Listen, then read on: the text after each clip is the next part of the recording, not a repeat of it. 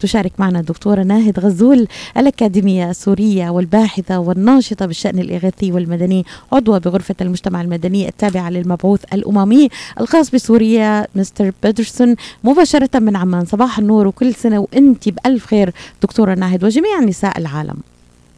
شكرا شكرا كثير لك وكل عام وأنت بخير السيدة الإعلامية الناشطة الودود الضحوكة دائما ليلى شكرا. شكرا لك دكتورة على المشاركة. يعني نحن نتواصل في هذا البرنامج المفتوح برسائل مفتوحة حول العالم. نحاول أن نتصل ونتواصل مع قيادات ملهمة ومؤثرة في المجتمع في أمريكا وأيضا في العالم العربي. وردت لي مداخلة دكتورة من سهيلة آه، ماري مغربي تقول كل عام وأنتم بألف خير.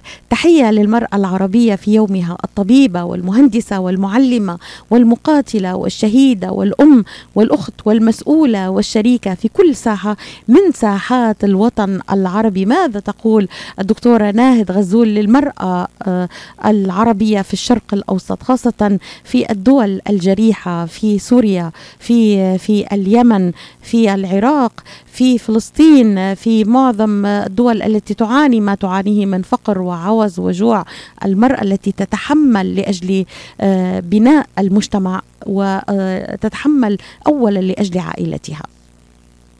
نقول للمرأة كل عام وأنت بخير وأنت الأم وأنت المرأة التي انتقل دورك من أن تكوني تقفين خلف الرجل إلى مرأة تتقدمين الرجل وتصبحين البريد وينر المزودة للعائلة بالطعام. كل عام وأنت بخير. اصمدي في مكانك لأن القوى التي تحاول أن تسحب ما عملت المرأة من أجله عبر خمسين عام تزداد قوة. أن تسحب منها كل رصيد من استقلاليتها من حريتها من تمثيلها من الخروج عن الموروث والعادات التي تقتل المراه جهلا وتزوجها صغيرة وتنحرها بحجة جرائم الشرف وتسلبها حقها في الحرية حين تتعرض لأبشع أنواع التعذيب داخل البيت حتى لا يقول المجتمع أنها مرأة مطلقة. آه، أقول لها اصمدي واثبتي فالعالم ورائك وليس أمامك العالم ورائك كله. ونحن نشد على أزرك ونحن نساعدك ونحن ننوه إلى هذه المشاكل ونحاول أن نوجد لها حلول عبر المنظمات الحقوقية والإنسانية والمنظمات التي تعنى بشؤون المرأة. نحن نسعى لزيادة التمثيل السياسي للمرأة في في الوطن العربي وبالذات للمرأة السورية لأن المرأة حين تصل إلى صناعة القرار السياسي فإنها تستطيع أن تلغي بعض القوانين التي تهمش وتلغي حياة المرأة وتضيف قوانين أخرى تعزز من وجودها وقيمها وتساعدها في الحفاظ على حياتها وأن تستكمل دورها كنصف المجتمع وأكثر وتساهم في عملية البناء. دكتورة ناهد يعني حضرتك الناشطة بالشأن الإغاثي والمدني آه، أشرتي من خلال مداخلتك إلى مجموعة تحديات بالفعل تواجهها المرأة في العالم العربي في رسالتك وفي مداخلة للأستاذ الإعلام دكتورة سحر خميس أشارت أن التحديات مختلفة التي تواجهها المرأة في أمريكا والمرأة العربية. إلى اليوم آه، برأيك ما هي أبرز وأهم التحديات التي تواجهها المرأة في العالم العربي؟ آه، وكيف تتجاوزها؟ كيف الخروج من هذا هذه التحديات؟ على الرغم من أن بعض البلدان العربية أصبحت آه، يعني تولي المرأة دور قيادي وريادي في في الإمارات وفي في غيرها من الدول العربية لكن أذكر هذا على مثال. كيف ترين هذه التحديات وسبل الخروج منها؟ يعني أنا ألخص التحديات على ثلاث مستويات. مستوى التمثيل السياسي يوجد تمثيل سياسي ولكن يكون هامشي. نرى بأن المرأة لا تولى وزارات أو حقائب سيادية. في كافة الوطن العربي ابتداء من سوريا اللي كانت المرأة داخلة فيها في البرلمان من الأربعينات. ثانيا على المستوى التعليمي ما زال العقل الذكوري يعني هو المسيطر بالذات في الناحية التعليمية. يعني أنا بعرف كثير من العائلات السورية اللي بتلجأ بيلجأ لي للمساعدة وللمنح. بيقولوا نحن يعني ابننا في السنة الفلانية وبنتنا في السنة الفلانية هلا البنت مانا مهم. المهم هلا الولد إننا نلاقي له تعليم. فإذا ما زال إلى الآن هذا الشيء يمارس على جميع الأصعدة. إن كنت في البلد في حالة حرب يخافون على البنت من الاعتداء أو الاغتصاب أو أي شيء فيمنعوها من التعليم. إن كنا في بلد اللجوء آه، والمدرسة بعيدة عن البيت يخافون من التحرش أو من حصول أي شيء للبنت فالبنت أول من يفقد حقها في التعليم. على المستوى الثالث اللي هو تزويج البنات تحت سن 18 وللأسف البلدان التي تشهد النزاعات وما أكثرها آه، آه، تشهد حالة من بيع البنات. تزويج وهن قاصرات وإنجاب وهن قاصرات ويأثر على حياتهم ويتعرضن للضرب لأنه هن ما بيعرفوا لا يتعاملوا مع رجل ولا يتعاملوا مع بيت.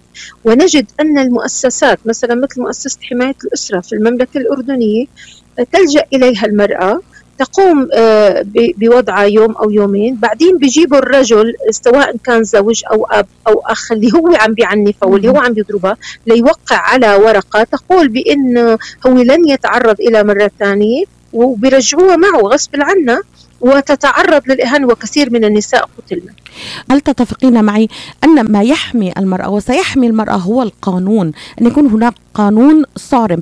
هناك تعنيف للمرأة في أمريكا هناك ضرب لكن هناك قانون يحمي المرأة في الولايات المتحدة الأمريكية. لا يستطيع الرجل أو أو أو مثلا أن يعنف المرأة أو أو زوجته أو أخته أو يضربها بدون مساءلة. إذا هل ترين أن أحد الأدوات التي ربما آه، نستطيع آه، أن آه، الدول أن تحمي المرأة وحقوقها أن تكون هناك قوانين صارمة وفعالة؟ ضد التعني... نعم. ضد, نعم ضد التعنيف المرأة نعم يجب أن يكون هناك تشريعات خاصة بالأسرة والمرأة وأن تكون يعني هذه التشريعات ملزمة وقابلة للتنفيذ وأي دولة عم تحاول أن فعلا تبرز للمجتمع على أن هي دولة متقدمة ومتحضرة وأن تراعي الحقوق. يعني يجب من المنظمات الدولية أن تفعل دورة منظمات حقوق الإنسان والمنظمات العاملة في شؤون المرأة أن تفعل دورة وأن تطلع على هذه القوانين والتشريعات وترى كم منها فعلا يطبق على أرض الواقع. يعني للأسف الفترة الأخيرة تشهد يعني تصاعد كثير في في موجة المتشددين الإسلاميين. آه وهدول بيحاولوا دائما باسم الشريعة الإسلامية أن ينتقصوا من المرأة حقوقها. ولكن الإسلام يعني أعطى المرأة حقوقها. على دور الرسول نساء صلى الله عليه وسلم كانت تخرج للقتال معه. كنا يضمدن الجرحى كنا يقاتلنا كنا يقترضن الشعر كنا يحضرنا كل شيء. يعني والسيدة عائشة هي أكثر من روى الحديث عن الرسول.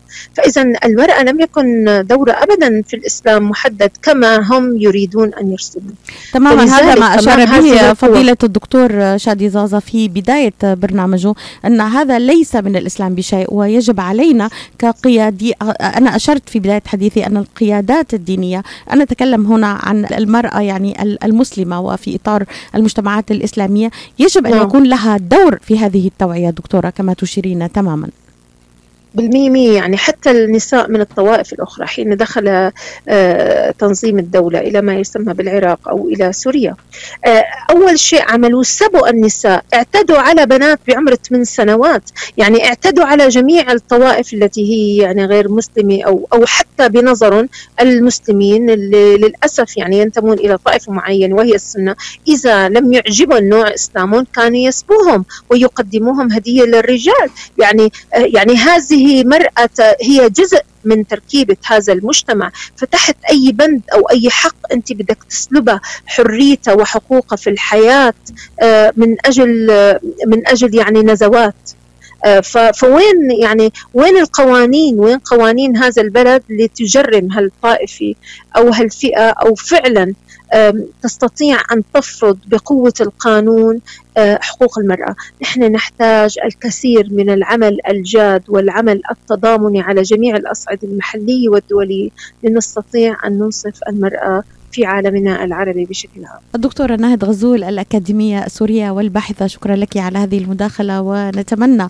أيضا أن يكون للإعلام العربي دور آه، في هذه التوعية وأن يكون لنا دور أكبر مما نلعبه اليوم في التثقيف المجتمعي حول المرأة وأهميتها كما أشرتي المرأة ليست نصف المجتمع بل المجتمع كله المرأة الأم الأخت المربية العاملة المناضلة التي تقف إلى جانب الرجل في كل في كل حياته. يعني لولا المرأة لم يكن الرجل.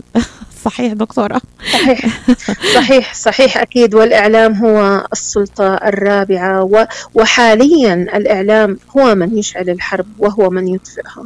فأكيد لو كان في هناك توجه إعلامي وحملة قوي جدا للتنويه لكل حالات التعنيف وحالات الاستغلال آه، وسوء المعاملة التي تتعرض لها المرأة بكافة دول الوطن العربي. دون ما نقول والله هاي الإمارات غنية هلا بتسكر لنا القناة واليمن فقير. معلش نحن لازم نحكي عنه وسوريا ما حد يسألنا حد لا. فعلا نحن أن, أن نتكلم بحيادية مطلقة عن مواطن الخلل. الإعلام قادر أن يشعل ويبتدئ هذه المسيرة التنويرية وقادر أيضا أن يعتم عليها. شكرا, شكرا لك. كثير تحياتي لك دكتورة ناهد غزول الأكاديمية السورية والباحثة والناشطة بالشأن الإغاثي والمدني عضوة بغرفة المجتمع المدني التابعة للمبعوث الأممي الخاص بسوريا مستر بيترسون. كنت معنا مباشرة من عمان.